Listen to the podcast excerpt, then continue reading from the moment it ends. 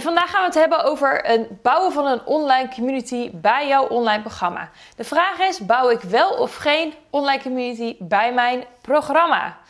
Nou, ik ben Merel, ik ben online business coach en ik help ondernemers met het creëren van meer maandelijkse inkomen en vrijheid in hun bedrijf door het maken van een online programma wat je vervolgens kan opschalen zonder dat je al die tekststress hebt of niet weet waar je moet beginnen. Nou, allereerst, waarom zou je een community bouwen bij jouw online programma of cursus? Nou, nummer 1, zodat mensen elkaar kunnen bemoedigen en helpen.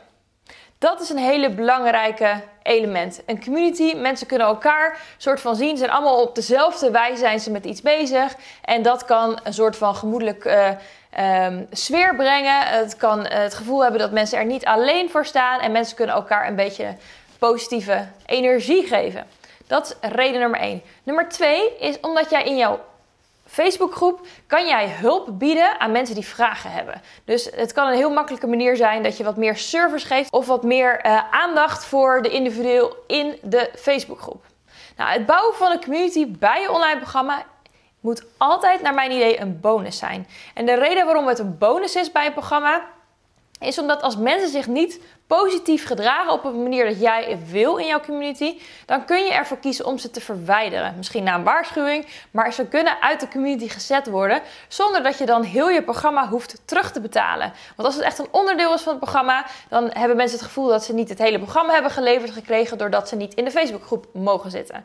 Dus het is een bonus. Nou, die vrijheid wil je als kennisondernemer echt wel houden. Jij wil de power houden om mensen eruit kunnen zetten of niet. Nou, persoonlijk ben ik wel erg fan van een online community, omdat dit net even die extra push geeft voor mensen om hun programma te doorlopen, zodat ze net iets verder gaan komen. Dus er zit iets meer begeleiding bij. Vooral bij een groepsprogramma zou ik altijd een community maken. Dat is namelijk fijn voor het groepsgeheel, dat mensen met elkaar kunnen communiceren. Als je een lidmaatschap maakt, is een community echt een must. Ik zeg altijd voor lidmaatschap: mensen komen voor de kennis bij jou, maar ze blijven steken of ze blijven hangen voor de community. Mensen willen graag praten met soortgestemde mensen.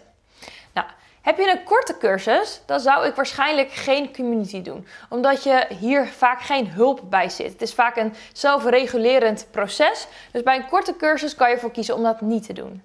Nou, mijn favoriete manier om een community te bouwen is nog steeds op Facebook. Er zijn natuurlijk heel veel tools om dit op een andere manier te doen, maar het is nog het meest intuïtief en makkelijk om het op Facebook te doen.